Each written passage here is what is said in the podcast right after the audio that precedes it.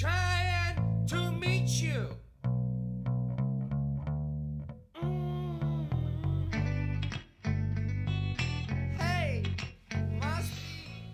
I dagens avsnitt träffar jag Sara Teleman. Hon är illustratör och författare och har tillsammans med Andreas Berg skrivit och formgett boken Svensk illustrationshistoria. Det är också honom vi refererar till när vi säger Andreas i programmet. Vi pratar om att aldrig bli färdig, att köra på det man är intresserad av och att ha sin dröm kvar. Välkomna! Du har alltid känt att du har en självklar plats i Nej, nej, jag har ju ingen plats. Eller så här, nej, jag, tvärtom. Alltså, jag har alltid varit avundsjuk på de som gick konst. Till exempel fanns ju de som gick Konstfack samtidigt som jag som hela tiden tecknade, bara tecknade, alltså, som har gjort det ända sedan dess. Alltså ta eh, Dennis Eriksson som gick klassen ovanför mig eller Molly Backling gick också då och eh, samtidigt så gick Lovisa Burfitt på Beckmans och under mig så, så gick Erika Jakobsson och, och ehm, Alltså att det fanns eh, många av dem som var så otroligt självklara, som hade tydligt manér och som var också innovativa i sitt, eh, inom sitt område. Och jag ville teckna, men, eh, men det var liksom ändå inte, det, jag fick inte det där omedelbara gensvaret som de fick. Alltså de sa, åh vilken fantastisk tecknare du är, bara, teckna här, teckna här. Utan Jag fick en del teckningsjobb och sen samtidigt så vart jag lite uttråkad kanske. Så jag började, sen, och att jag började skriva, det hade att göra med att jag var tillsammans med en fotograf medan jag gick på Konstfack.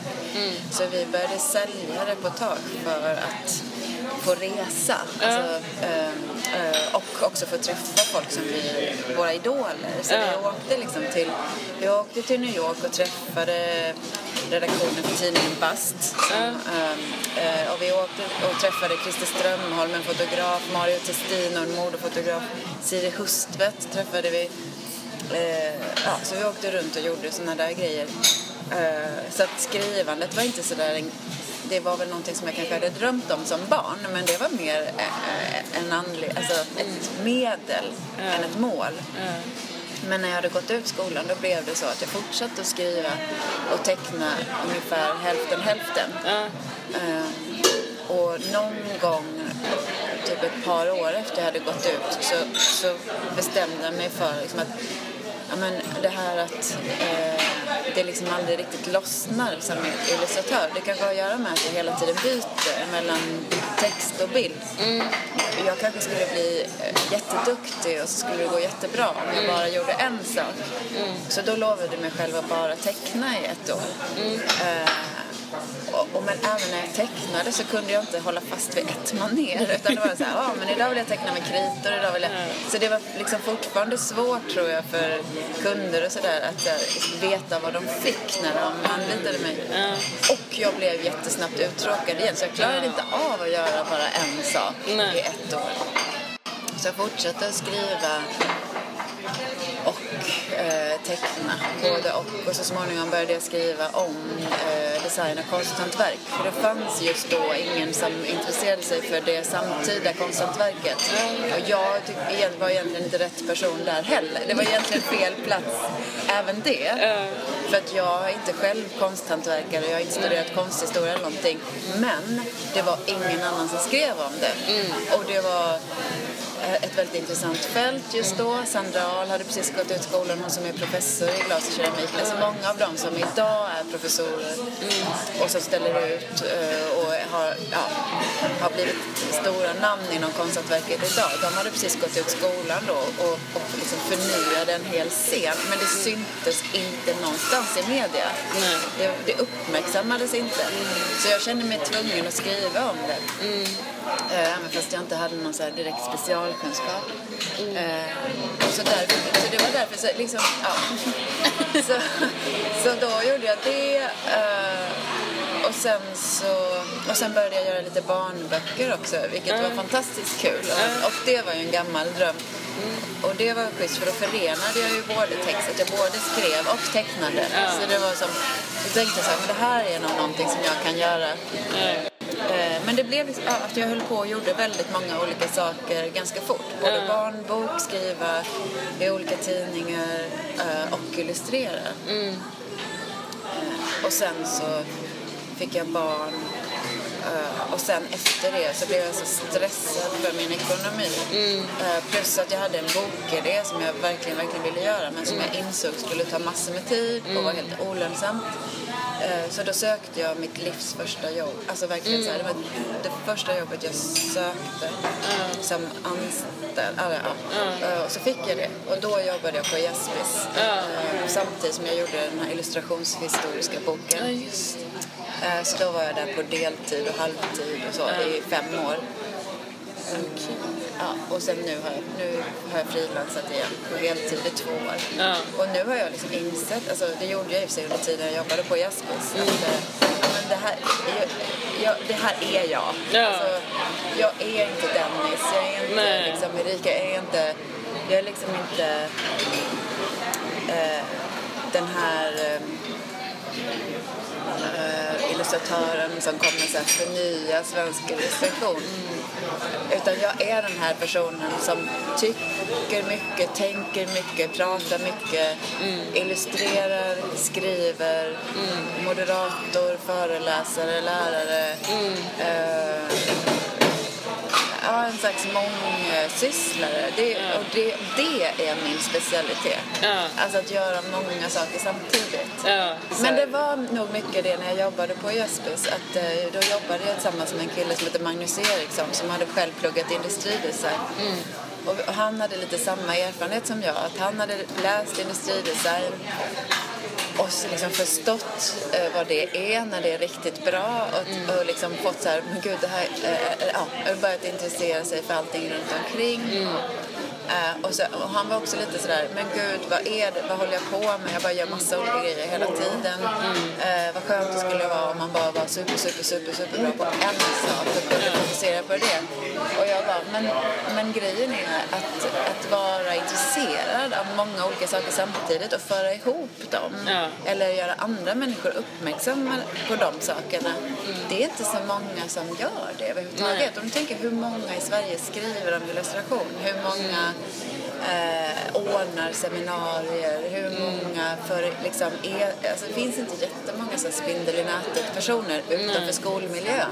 Nej. Eh, så bara, ja men det kanske inte är så- så himla dåligt då. Nej, så då, vi kom liksom fram till det att i vår liksom så här ounika stil så var vi ändå rätt unika.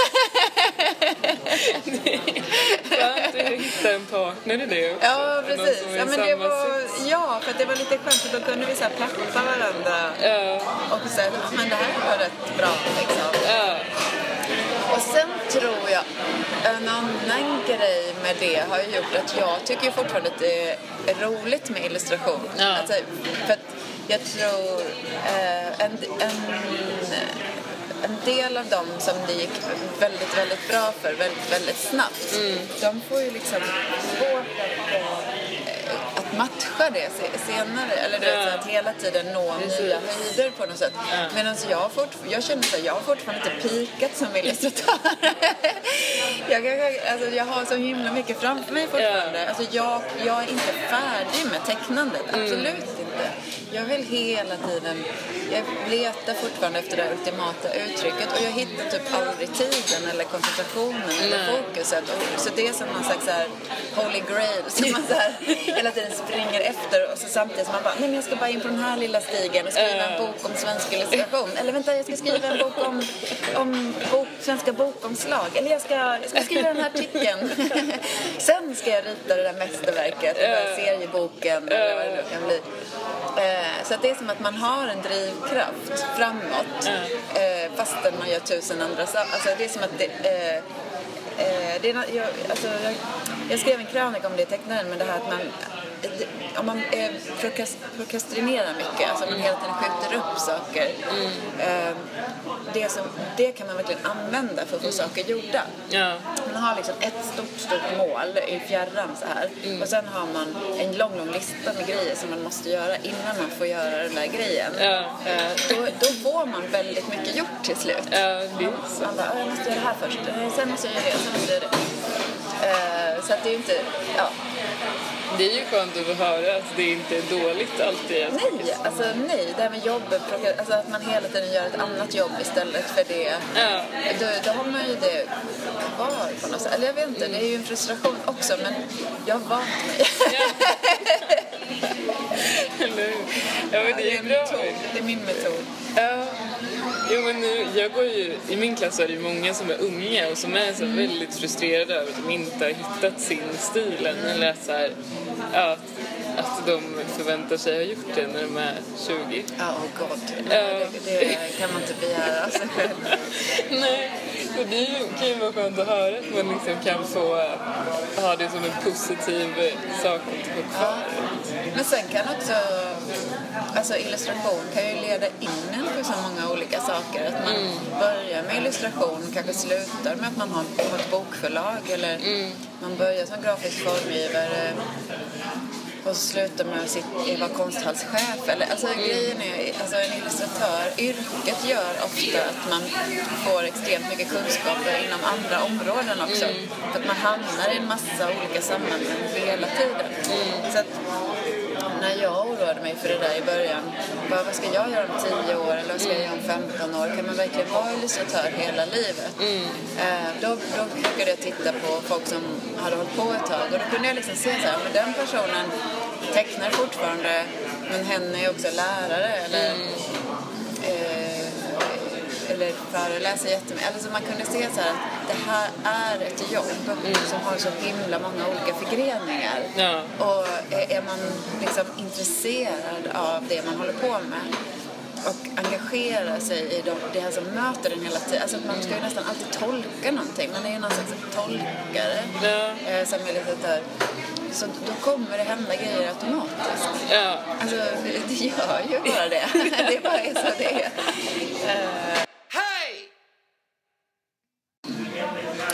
Eh, men jag tänkte på en annan sak. Vad gör man på... Vad, eller vad gjorde du på Jaspis? Jaspis är Konstnärsnämndens internationella program för bild och formkonstnärer.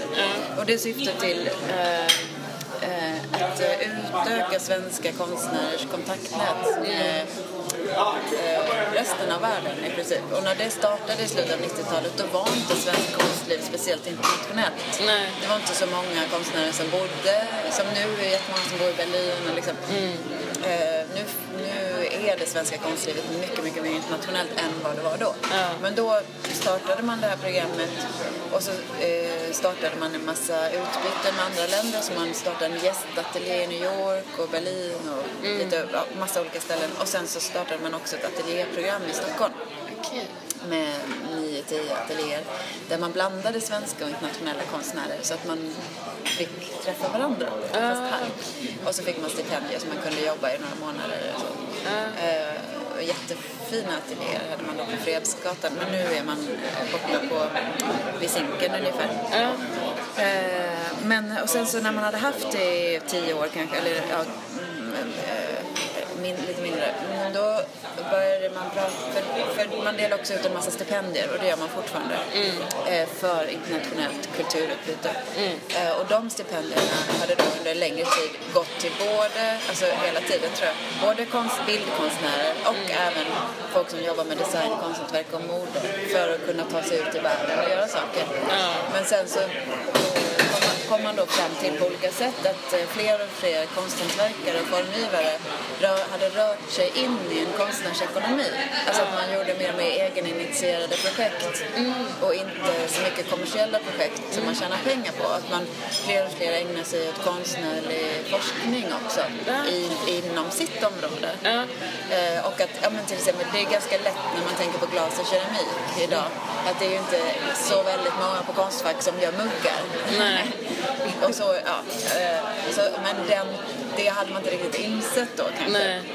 Men då bestämde man sig för, eh, då hade man först ett pilotprojekt och sen så bestämde man sig för att göra det in-house så att säga. Men att man även skulle ägna sig åt eh, formkonstnärer som man kallar det. Ja.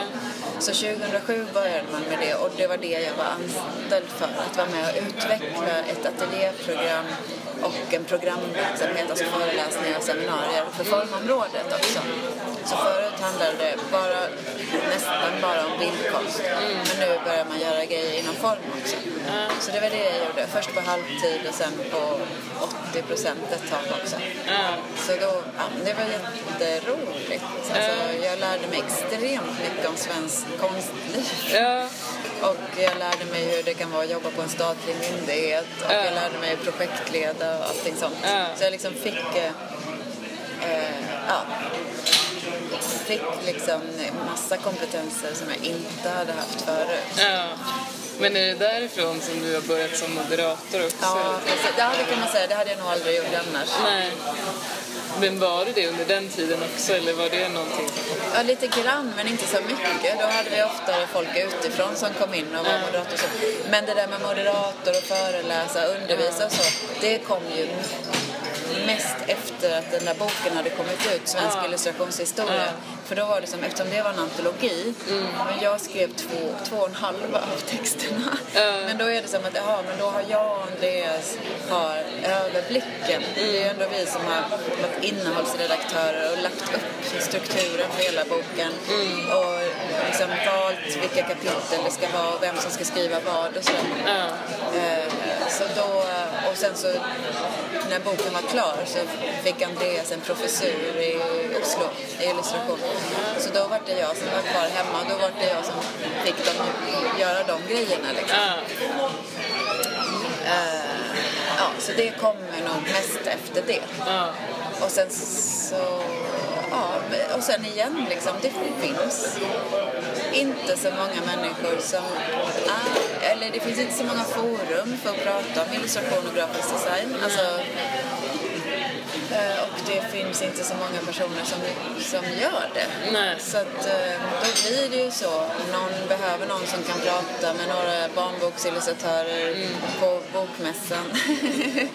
ja, men då är det typ jag och två till Ja. som får de fråg frågningarna liksom. Så du har ju egentligen skapat en plats då Ja. för dig själv. Ja, precis. Ja. Det- Det det blev det till Ja. slut. Och jag, men jag är faktiskt himla glad för det. För att jag sa precis det till Micke där. Han började, försökte börja prata med mig om arkitektur. Och jag bara, men Micke, alltså jag är inte så intresserad av arkitektur. för att eh, under så många år när jag jobbade på Jazzfest, då var jag på något sätt... Alltså först började jag skriva om konsthantverk för att ingen annan gjorde det.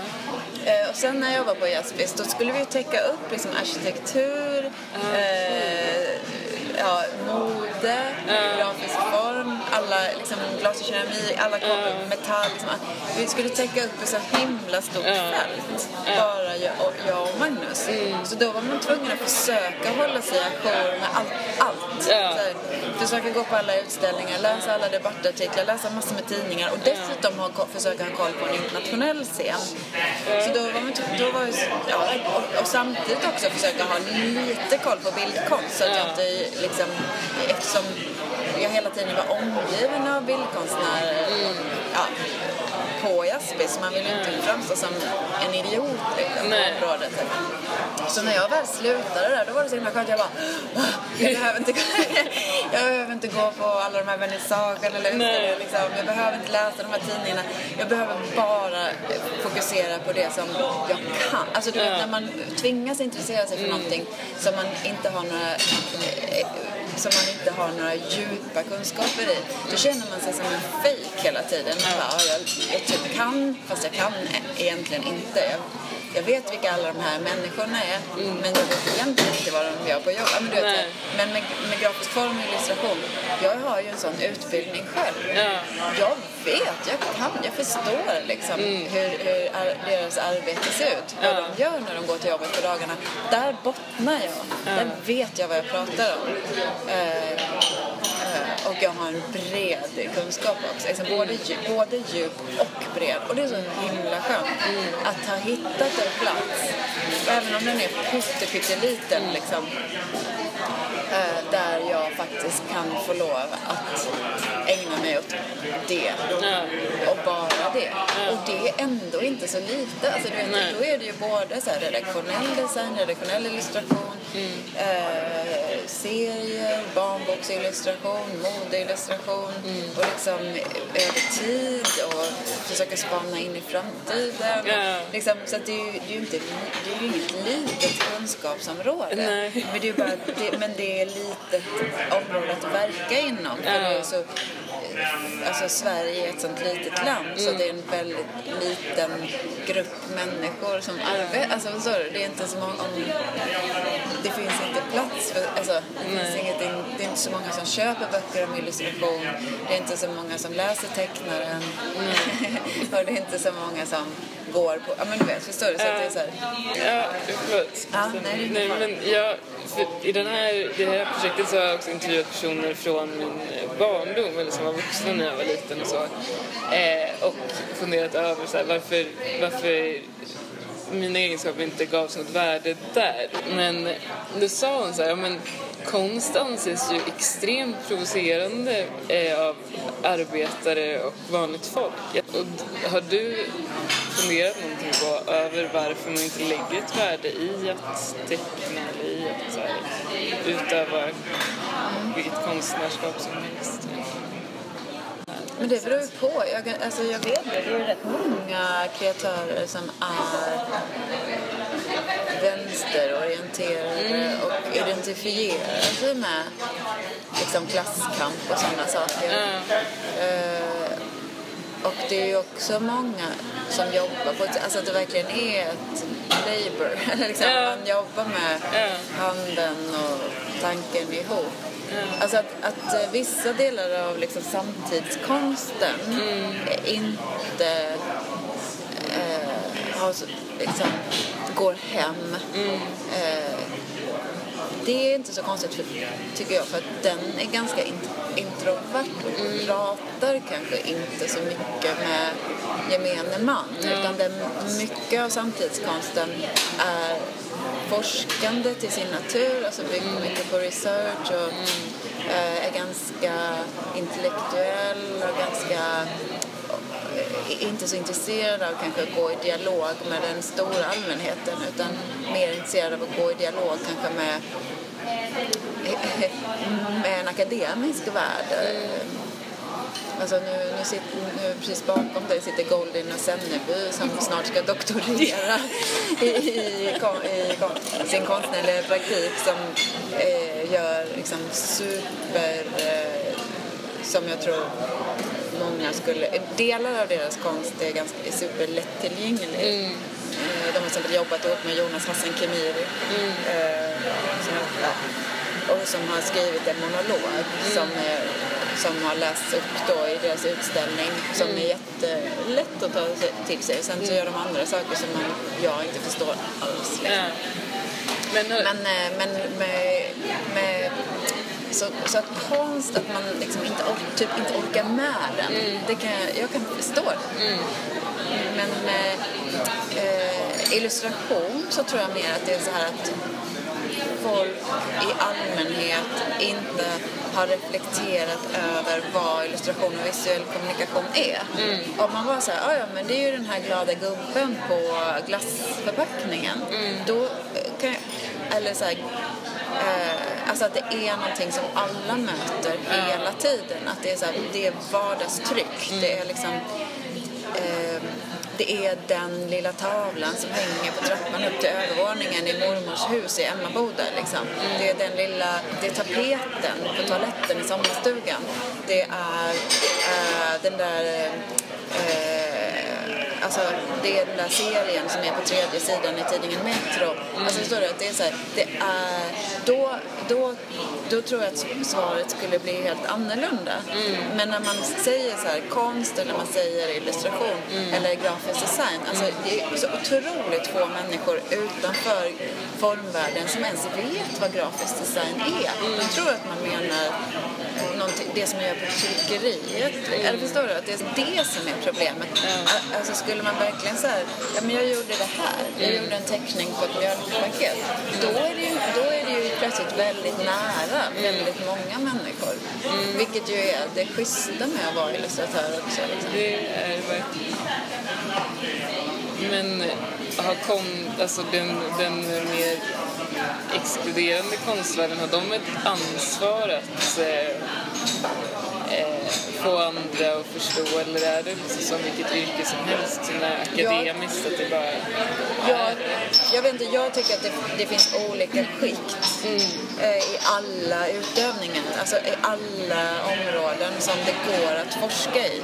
Så tycker jag att det finns olika eh, skikt eller olika man har olika ansvar beroende på vad man gör. Om du Ehm, och nej, jag tycker inte att man automatiskt har ansvar att få alla att förstå. Därför att inom alla utövningar, oavsett om det är liksom, om du är läkare och jobbar på en vårdcentral, då har du ett ansvar att få din patient att förstå vad som händer när du tar blodtrycket på den personen till exempel. Men om du, eh, men om du forskar i biomedicin, nu bara hittar jag på, jag vet inte vad biomedicin är, på Karolinska, då har du inte det redovisningsansvar. Alltså, självklart någonstans någon gång så måste du redovisa vad du har gjort för dina forskningsanslag. Men du har inte samma liksom, ansvar. Det viktiga är att du är bra på det du gör och hela tiden kommer framåt. Liksom. Eh, Och sen så småningom så kommer den kunskapen att sippra ner till den där gubben på, eller kvinnan på vårdcentralen som sitter där. eh, Ja. Så småningom kommer det hamna där i alla fall. Ja. Ja. Och så tycker jag det är med, eh, i konst också. Alltså, oavsett vad du håller på med, om du är illustratör eller konstnär. Det finns alltid någon som funderar och jobbar med, eh, kom, liksom med, med saker som är obegripliga. Liksom. Ja. Eh, och, det, och, och, och eh, som kanske inte går att använda Ja. i... Eh, alltså, om, till exempel om vi tänker bokformgivning Ja. så finns du, du kan sitta som Matilda Plöjel i Malmö eller Konst och Teknik här och göra böcker för hand nästan.